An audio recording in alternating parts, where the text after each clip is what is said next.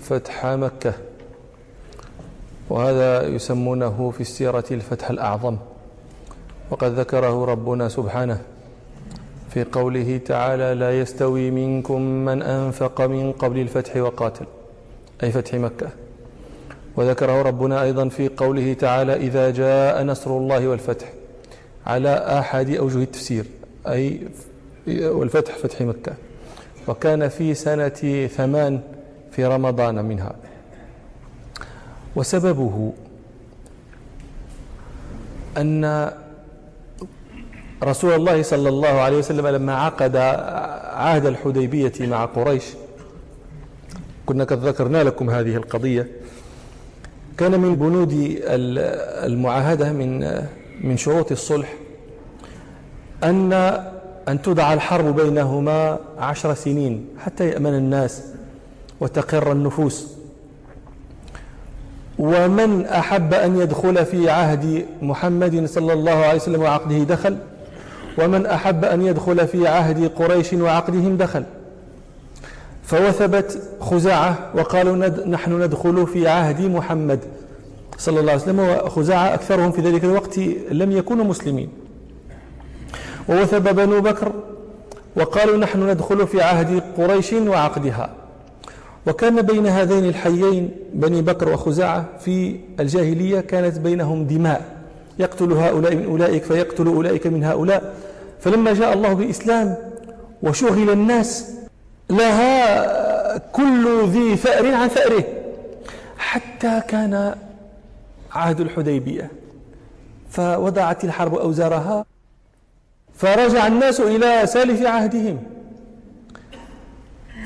فوثبت بنو بكر على خزاعة. وثبوا عليهم ليلا في مكان في ماء لهم يقال له الوتير. وقتلت منهم مقتلة وأعانت قريش بني بكر بالسلاح والكراع على خزاعة. بل قاتل منهم رجال. قالوا ما يعلم بنا محمد؟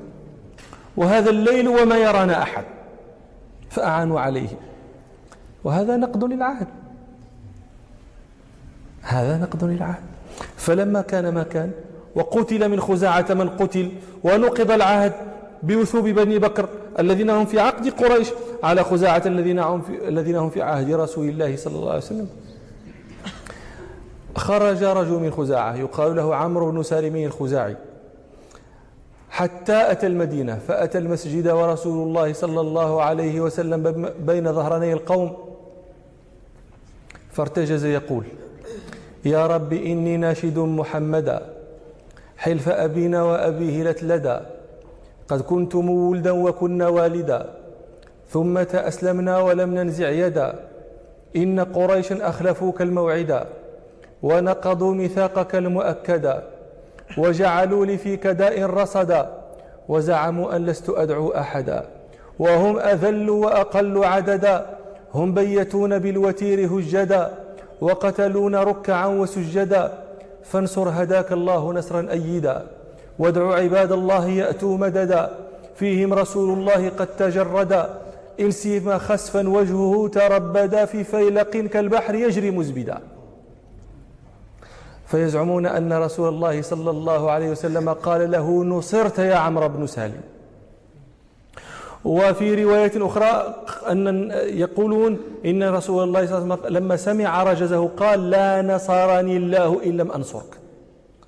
ويذكرون أنه رأى سحابة فقال النبي صلى الله عليه وسلم إنها لتستهل بنصر خزاعة. على كل حال هذه كلها أحاديث لا يقيم إسنادها المحدثون لكنها مشهورة جدا في عند أهل السير ولعل شهرتها تغني عن أسانيدها. قريش علمت أن الخبر بلغ النبي صلى الله عليه وسلم فتوجست شرا فأرادت أن تتدارك الأمر إن كان ثم تدارك فبعثت أبا سفيان في سفارة إلى رسول الله صلى الله عليه وسلم فأتى المدينة. فجاء النبي صلى الله عليه وسلم فما كلمه رسول الله صلى الله عليه وسلم. ثم جاء أبا بكر فما كلمه. ثم جاء عمر فقال عمر والله لو لم أجد إلا الذر لجاهدتكم به. عاد نشفع لكم عند النبي صلى الله عليه وسلم. وهكذا مر إلى عثمان ثم علي. لا يجد عند أحدهم شيئا. ففشلت في سفارته فرجع. فأخبر النبي صلى الله عليه وسلم الناس بأنه قاصد مكة وأمرهم بالتجهز ويقول أهل السير إن رسول الله صلى الله عليه وسلم دعا ربه قائلا اللهم عم الأخبار على قريش حتى نبغتها في دارها. ثم أمر الناس بالنفير. ورسول الله صلى الله عليه وسلم يريد أن لا يعلم بخبره. فجاء حاطب بن أبي بلتعة رجل من الصحابة فكتب كتابا إلى قريش إلى رجال من كفار قريش يخبرهم بما يريد النبي صلى الله عليه وسلم. وأعطى الكتاب امرأة وجعل لها جعلا إن أوصلته إلى ناس من قريش. فجعلته في شعرها وضفرت شعرها فوق الكتاب ثم انطلقت. فجاء الخبر من السماء إلى رسول الله صلى الله عليه وسلم بما فعله حاطب بن أبي بلتعة. فدعا رسول الله صلى الله عليه وسلم عليا والمقداد بن الأسود والزبير بن العوام وأمرهم أن يأتوا روضة خاخ. الروضة اسمها خاخ هذا اسمها. سيجدون هناك ضعينة معها كتاب ليأخذوا منها الكتاب. قال علي فانطلقنا تعادى بنا خيلنا حتى أتينا روضة خاخ فوجدنا الضعينة. فقلنا لها أخرج الكتاب. فقالت ما معي من كتاب. فقال لها علي رضي الله عنه لتخرجن الكتاب أو لنلقين الثياب. نجردك من ثيابك. وهي امرأة كافرة فأبت أن يجردوها من ثيابها. وهي امرأة كافرة. هذا العرب. هذا يتفهموا قوله صلى الله عليه وسلم إنما بعثت لأتمم مكارم الأخلاق لا لينشئها إنما ليتمها. قد كانت شيء منها كثير موجودا وجاء لإتمامها. هذا منها. فلما هددوها بسلب الثياب أخرجت الكتاب من عقاصها. فأخذوه وأتوا به النبي صلى الله عليه وسلم فإذا فيه من حاطب بن أبي بلتعة إلى رجال من قريش يخبرهم ببعض ما نوى رسول الله صلى الله عليه وسلم. فدعا رسول الله صلى الله عليه وسلم حاطبا. قضية خطيرة. فقال له يا حاطب ما هذا؟ فقال له حاطب يا رسول الله لا تعجل علي. إني كنت امرأ ملصقا في قريش ولم أكن من أنفسها. وهؤلاء المهاجرون الذين معك كلهم لهم قرابات في مكة. يعني ممن بقي على كفره. وهؤلاء القرابات يحمون بها تحمي أموال وأهل المسلمين في مكة في في المدينة. قال ولم يكن لي من القرابة مثل ما لهؤلاء فأردت أن أتخذ عندهم يدا تقوم لي مقام القرابة يحمون بها أهلي. ولا صنعت هذا رضا بالكفر ولا ارتدادا بعد الإسلام. وفي رواية وقد علمت أن الله ناصرك يعني كتابي إليهم لا يضرك ولا ينفعهم. فقال لهم الرسول صلى الله عليه وسلم لقد صدقكم. فقال عمر يا رسول الله دعني أضرب عنق هذا المنافق. خطيرة جدا. فقال رسول الله صلى الله عليه وسلم لعمر إنه رجل من أهل بدر. وما يدريك لعل الله أن يكون قد اطلع على أهل بدر فقال اعملوا ما شئتم إني قد غفرت لكم. ثم سار النبي صلى الله عليه وسلم وسار معه أقل من يذكر يذكر عشرة آلاف واحد وأكثرهم يقول سار النبي صلى الله عليه وسلم في اثني عشر ألفا من الصحابة. من جهينة وأسلم وغفار وسليم ومزينة والمهاجرين والأنصار لم يتخلف منهم أحد. حتى بلغ النبي صلى الله عليه وسلم مر الظهران. قد ذكرت لكم فيما مضى أن مر الظهران تسمى اليوم الجموم ومنهم من يسميها وادي فاطمة الآن. تبعد عن مكة بحوالي عشرين كيلومترا. يعني كم قطع النبي صلى الله عليه وسلم المدينة؟ تقريبا 450 460 كيلومتر. وما علمت قريش بشيء. عميت عليهم الأخبار. لكنهم يتوجسون لعلمهم بفشل سفارة أبي سفيان. ينتظرون شيئا ولكن لا يعلمون ما, ما, ما, ما النبي صلى الله عليه وسلم صانع به. فلما نزل النبي صلى الله عليه وسلم في مرد الظهران أنتم تعلمون أن العسكر إذا نزل لابد من, من إشعال النيران. لابد. في تلك الليالي خرج في ليلة منها أبو سفيان وبديل بن ورقاء وحكيم بن حزام. يتحسسون الأخبار لعلهم يجدون مسافرا أو راكبا يسألونه عن شيء. والعباس بن عبد المطلب كان قبيل ذلك. خرج من مكة مهاجرا بعياله إلى رسول الله صلى الله عليه وسلم فلقيه رسول الله صلى الله عليه وسلم في الطريق. وكان العباس قد أسلم قبل ذلك وبقي في مكة على سقايته ورسول الله صلى الله عليه وسلم راض عنه. فلما لقيه العباس يقول في نفسه يحدث نفسه والله لئن دخل رسول الله صلى الله عليه وسلم مكة عنوة قبل أن يأتيه قريش فيستأمنوه إنه لهلاك قريش آخر الدهر. يمحوها النبي صلى الله عليه وسلم. تفنى قريش فماذا يريد؟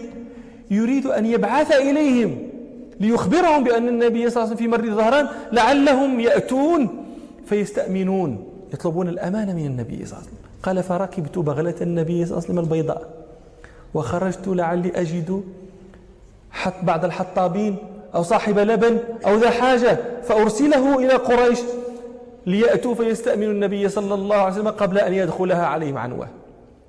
في الليلة التي كان فيها أبو سفيان وبدر بن ورقاء وحكيم بن حزام خارجين يتلمسون ويتحسسون الأخبار. الليل مظلم. قال فإني لأمشي إلى الذي خرجت له إذ سمعت صوت أبي سفيان وبدي بن ورقاء وهما يتحدثان يترادان الحديث. يقول أبو سفيان لما رأى النيران والله ما رأيت كالليلة قط. نيرانا ولا عسكرا. كثير هذه النيران هذه. يتساءل ابن أبو سفيان لمن هذه النيران؟ فيقول بديل الورقاء هذه خزاعة. حمشتها الحرب. أبو سفيان قال أبو سفيان خزاعة أذل وأقل من أن تكون هذه النيران. خزاعة ما يمكنش. قال فعر... قال العباس فعرفت الصوت. فقلت أبا حنظلة. قال فعرف صوتي. فقال أبو الفضل قلت ما قلت نعم. قال ما لك فداك أبي وأمي؟ قلت هذا رسول الله صلى الله عليه وسلم في الناس. إيش من خزاعة إيش من هذا رسول الله صلى الله عليه وسلم في الناس. أبو سفيان عرف أن الأمر خطير جدا فقال لعباس ما الحيلة؟ فقال اركب في على عجوز هذه البغلة. حتى أدخل بك على رسول الله صلى الله عليه وسلم فتستأمنه. فإنه إن دخل عليكم عنوة إنه لهلاك قريش آخر الدهر. فركب وأتى معه بديل بن ورقاء وحكيم بن حزام. فرأوهم ناس من حرس رسول الله صلى الله عليه وسلم فأخذوهم.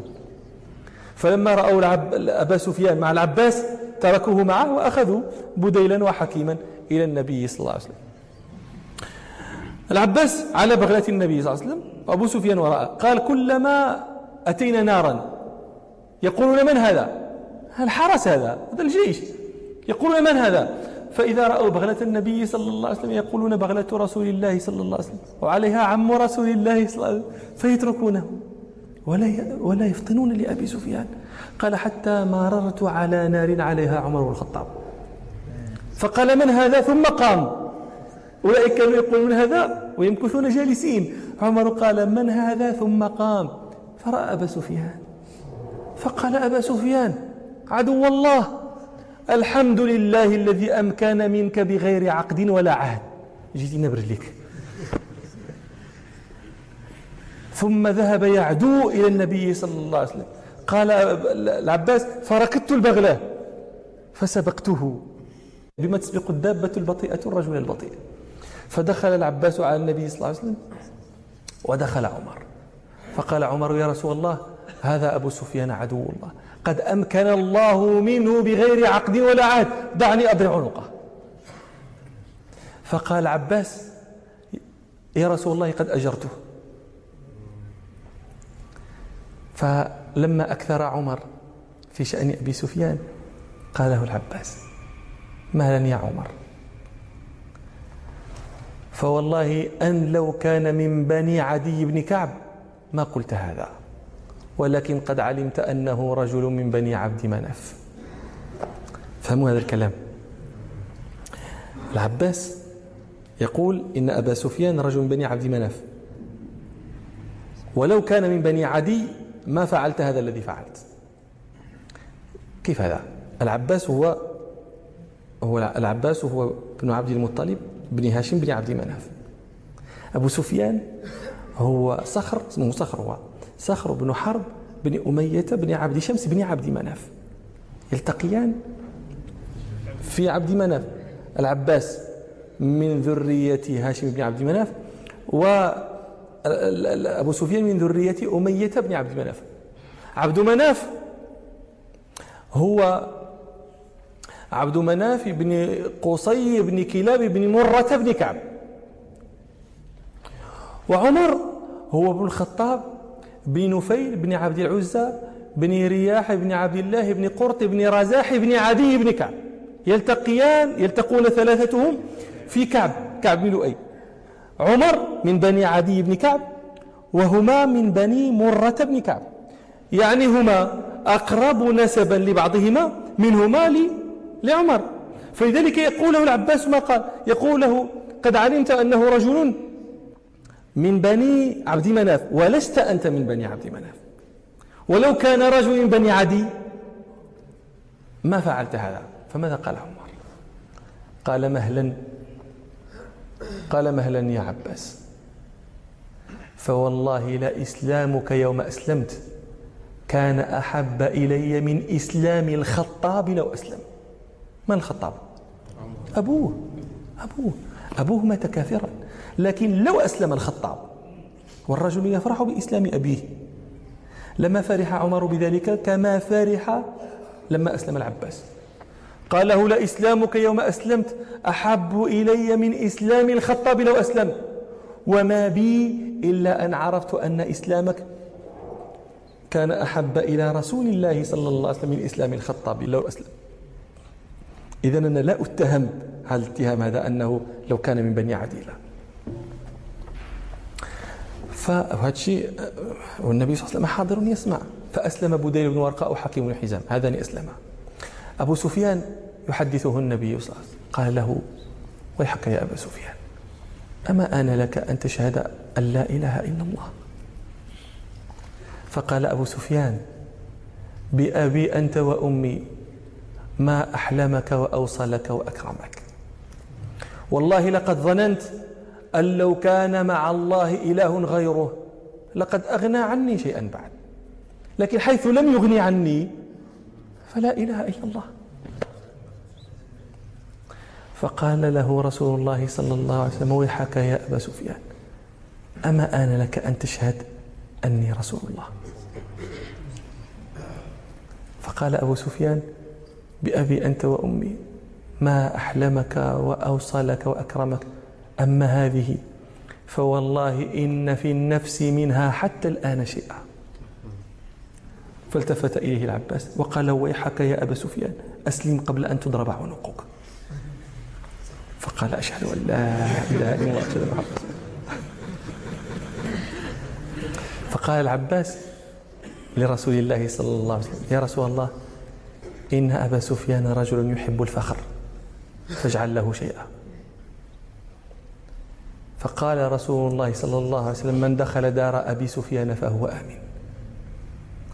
فقال أبو سفيان وما تغني داري؟ حيدخل فقال النبي صلى الله عليه وسلم ومن دخل المسجد فهو آمن. فقال أبو سفيان وما يغني المسجد؟ فقال النبي صلى الله عليه وسلم ومن دخل داره فهو آمن. فقال أبو سفيان هذه واسعة. كل واحد يدخل داره. والنبي صلى الله عليه وسلم علم أن إسلام أبي سفيان فيه شيء. فقال العباس احبس أبا سفيان عند خطم الوادي حتى تمر عليه جنود الله. في موضع سيمر منه جيش الفتح حتى يرى جنود المسلمين. قال العباس فحبسته حيث أمرني رسول الله صلى الله عليه وسلم أن أحبسه. وأمر رسول الله صلى الله عليه وسلم كل قبيلة أن تظهر ما عندها من العدة. فجعلت القبيلة تمر. فيقول العباس فيقول أبو سفيان العباس يا أبا الفضل من هؤلاء؟ فيقول جهينة فيقول العباس ما لي ولجهينة؟ لم يسبق بيننا شيء عندنا ذحل عندنا ثأر عندنا حرب ما لي ولا هم. جاءوا جاءوني مكة بإسلام. ثم تمر القبيلة. من هؤلاء يا ابن الفضل فيقول سليم. فيقول ما لي ولا سليم؟ حتى نفدت القبائل كلها. ما تمر من قبيلة إلا ويسأل عنها. فيجيبه العباس فيقول ما لي ولهؤلاء؟ قالوا فرأى أمرا عظيما أرعبه. حتى مرت به الكتيبة الخضراء كتيبة رسول الله صلى الله عليه وسلم. ولقبت بالخضراء لكثرة الحديد فيها. قالوا لا يرى منها إلا الحدق من الحديد. فقال أبو سفيان يا أبا الفضل من هؤلاء؟ فقال العباس هذا رسول الله صلى الله عليه وسلم في المهاجرين والأنصار. فقال أبو سفيان والله ما, لهؤلاء ما لأحد بهؤلاء قبل ولا طاقة. يعني ما يقدر عليهم تحد هذو ثم قال يا أبا الفضل لقد أصبح الملك ابن أخيك الغداة عظيما. فقال العباس يا أبا سفيان إنها النبوة. مش الملك؟ نبوة. فقال العباس فنعم إذن التي استقر الإسلام. ثم قال العباس لأبي سفيان أن جاء إلى قومك خبرهم فذهب أبو سفيان فلما دخل مكة صارخ بأعلى صوته يا معشر قريش قد جاءكم محمد بما لا قبل لكم به فمن دخل دار أبي سفيان فهو آمن يحب الفخر. فقامت إليه امرأته هند بنت عتبة فأخذت من شاربه. أخذته بشاربه وقالت قبح من طليعة قوم إلعنوا هذا الحميت الأحمس. يعني الغليظ الذي لا خير فيه. مرته فقال هو ويحكم لا تغرنكم هذه عن أنفسكم. قد جاءكم محمد بما لا قبالكم به فمن دخل دار أبي سفيان فهو أمين. فقال له عليك لعنة الله وما تغني عنا دارك. فقال ومن دخل المسجد فهو آمن ومن أغلق عليه بابه فهو آمن فتفرق الناس إلى دورهم وإلى المسجد. لكن لم يكن هذا شأن أهل مكة جميعا. كان طائفة من فتيان مكة. عكرمة بن أبي جهل وصفوان بن أمية و آه، آه، سهيل بن عمرو. جعلوا جيشا يقاتلون به.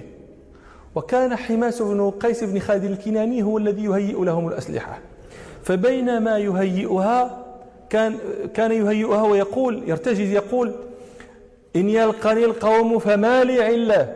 يعني ما عندي عذر هذا السلاح موجود. إن يلقني القوم فما لي علة. هذا سلاح كامل وأله وذو غرارين سريع السلة. فقالت له امرأته لمن تعد ما أرى؟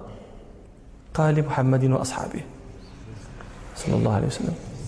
قالت والله ما أراه يقوم لمحمد وأصحابه اليوم شيء.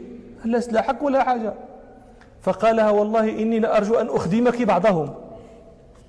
نجيبهم لك يخدموا عليك. فلما دخل لما لما لما دخل طليعة الجيش خالد الوليد ناوشوا هؤلاء.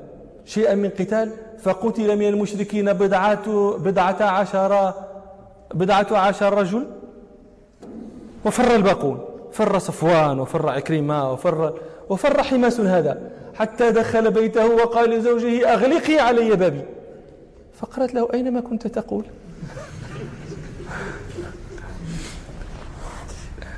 فقال لها إنك لو شهدت يوم الخندمة. الخندمة هذا موضع في مكة. وهو الذي كانت فيه هذا هذا هذا الاقتتال. قال لها إنك لو شهدت يوم الخندمة. إذ فر صفوان وفر عكرمة وأبو يزيد قائم كالموتمة واستقبلتهم بالسيوف المسلمة يقطعن كل ساعد وجمجمة ضربا فلا يسمع إلا غمغمة لهم نهيت خلفنا وهمهمة لم تنطقي في اللوم أدنى كلمة. لما كانت القبائل تمر أمام أبي سفيان ومر الأنصار قال سعد بن عبادة اليوم يوم الملحمة اليوم تستحل الكعبة. الملحمة هي المقتلة المقتلة العظمى. يعني اليوم سيكون القتل الذريع في قريش. فسمع ذلك أبو سفيان.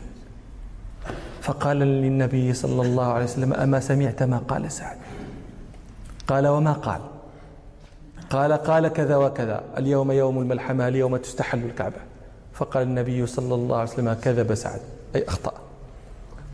اليوم يوم يعظم الله فيه الكعبة. اليوم يوم تكسى فيه الكعبة. وكان جاء شاعر قريش في ذلك الوقت ضرار بن الخطاب. هذا لا نسب بينه وبين عمر بن الخطاب. وسمع سعد سعد بن عبادة. فذكر أبية يستعطف فيها النبي صلى الله عليه وسلم. قال له يا نبي الهدى إليك لجا حي قريش ولا تحين لجائي حين ضاقت عليهم ساعة الأرض وعاداهم إله السماء. والتقت حلقة البطان على القوم ونودوا بالصيلم الصلعاء. إن سعدا يريد قاصمة الظهر بأهل الحجون والبطحاء. خزرجي لو يستطيع من الغيظ رمانا بالنسر والعواء. وغير الصدر لا يهم بشيء غير سبي النساء وسفك الدماء. إذ تنادى بذل حي قريش وابن حرب بذا من الشهداء فلئن أقحم اللواء ونادى يا حماة اللواء أهل اللواء ثم ثارت إليه من بهم الخزرج والأوس أنجم الهيجاء لتكونن بالبطاح قريش فقعة الماء في أكف الإماء. فانهينه فإنه أسد الأسد لدى الغاب واغل في والغ في, في الدماء. فكان هذا سببا في أن النبي صلى الله عليه وسلم نزل نزع الراية من من سعد وأعطاها ابنه قيسا. ثم طلب هذا سعد بن عبادة من النبي صلى الله عليه وسلم أن يأخذ الراية من ابنه أيضا فأعطاها النبي صلى الله عليه وسلم الزبير بن العوام ثم دخل النبي صلى الله عليه وسلم مكة. وعفى عن كل الناس إلا أربعة رجال وامرأتين. قال اقتلوهم ولو وجدتموهم معلقين بأستار الكعبة. وإنما أهدر النبي صلى الله عليه وسلم دمهم لكثرة الأذى الذي ألحقوه برسول الله صلى الله عليه وسلم وأصحابه. وهؤلاء الأربعة هم عبد الله بن خطن ومقياس بن صبابة وعكرمة بن أبي جهل وعبد الله بن سعد بن أبي سرح. أما مقياس بن صبابة وعبد الله بن خطل فقد قتل. أحدهما قتل في السوق والآخر قتل معلقا في أستار الكعبة. وأما عكرمة بن أبي جهل ففر فركب البحر فهاج البحر عليه. وكانوا ناسا جميعا مشركين. فلما هاج البحر قال قائد ذلك المركب إنه أخلصوا إنه لا ينفعكم هنا إلى الإخلاص فإن آلهتكم لا تملك لكم هنا شيئا. وهذه هي وإذا مسكم الضر في البحر ضل من تدعون إلا إياه. فقال عكرمة بن أبي جهل لئن كان لا ينجيني في البحر إلى الإخلاص فلا ينجيني في البر إلى الإخلاص. ثم قال اللهم عليك إن عافيتني مما أنا فيه. لآتين محمدا حتى أضع يدي في يده فلأجدنه عفوا كريما. فكان ذلك وجاء وأسلم. وأما عبد الله بن أبي سرح ففر فاختبأ عند عثمان بن عفان وكان أخاه من الرضاعة. فلما جلس النبي صلى الله عليه وسلم لأخذ البيعة من الناس جاء عثمان بعبد الله بن سعد هذا وقال له يا رسول الله بايع عبد الله. فرفع النبي صلى الله عليه وسلم ببصره إلى عبد الله ولم يبايعه. فأعادها عثمان يا رسول الله بيع عبد الله. فأعاد النبي صلى الله عليه وسلم رفع ببصره إليه ولم يبايعه. حتى فعل ذلك ثلاث مرات. كل ذلك النبي صلى الله عليه وسلم يأبى أن يبايعه. ثم مد إليه يدعه وبايعه. فلما بايعه قال النبي صلى الله عليه وسلم لأصحابه الجالسين أما كان فيكم رجل رشيد يراني قبضت يدي عن مبايعة هذا فيقوم إليه فيقتله. فقالوا يا رسول الله وكيف لنا بالذي في نفسك؟ هل أومأت إلينا؟ خمسنا عشر لنا. فقال لهم صلى الله عليه وسلم ما كان لنبي أن يكون له خائنة أعين. والقينتان المرأتان اللتان أهدر دمهما أما إحداهما فقتلت وأما الأخرى فاستؤمن لها فأمنت ولم تقتل. ثم جمعت قريش للنبي صلى الله عليه وسلم. قريش التي أخرجت رسول الله. وقتلت عمه حمزة. وآذت ابنتيه. وآذت أصحابه يعني آذته في نفسه وفي صحبه وفتنت الناس وسلبتهم أموالهم وبينهم أهوال وأهوال. وقد تمكن منهم وقدر عليهم. فقال لهم ما تظنون أني فاعل بكم؟ فقالوا أخ كريم وابن أخ كريم. فقال لا تثريب عليكم اذهبوا فأنتم الطلقاء. وهذا وإن كان المحدثون يقولون هذا يعني صحة لا تصح من جهة الإسناد. ولكن مشهورة جدا القصة حتى هؤلاء يسمون في التاريخ يسمون الطلقاء فلا بد أن يكون للقصة أصلا. لا بد. اذهبوا فأنتم الطلقاء فلقبوا بالطلقاء. ثم ذهب رسول الله صلى الله عليه وسلم يطوف حول الكعبة وكان حول الكعبة ستون وثلاثمائة صنم. فجعل النبي صلى الله عليه وسلم يطعن في الصنم في كل أصنام في في الأصنام يطعن فيها بعود كان في يده صلى الله عليه وسلم ويقول جاء الحق وزهق الباطل جاء الحق وما يبدئ الباطل وما يعيد. ثم دخل الكعبة. بعد أن غسلت منها الصور كانوا صوروا على جدران الكعبة من داخلها. صورة زعموا أنها لإبراهيم وصورة زعموا أنها لإسماعيل عليهما السلام. يستقسمون بأزلام. فقال رسول الله ما استقسم بها قط نبيان يستقسمان بالأزلام. فغسلت تلك الصور ثم دخل النبي صلى الله عليه وسلم الكعبة فصلى فيها. وكان هذا فتح مكة وبعده دخل الناس في دين الله أفواجا كما وعد الله تعالى.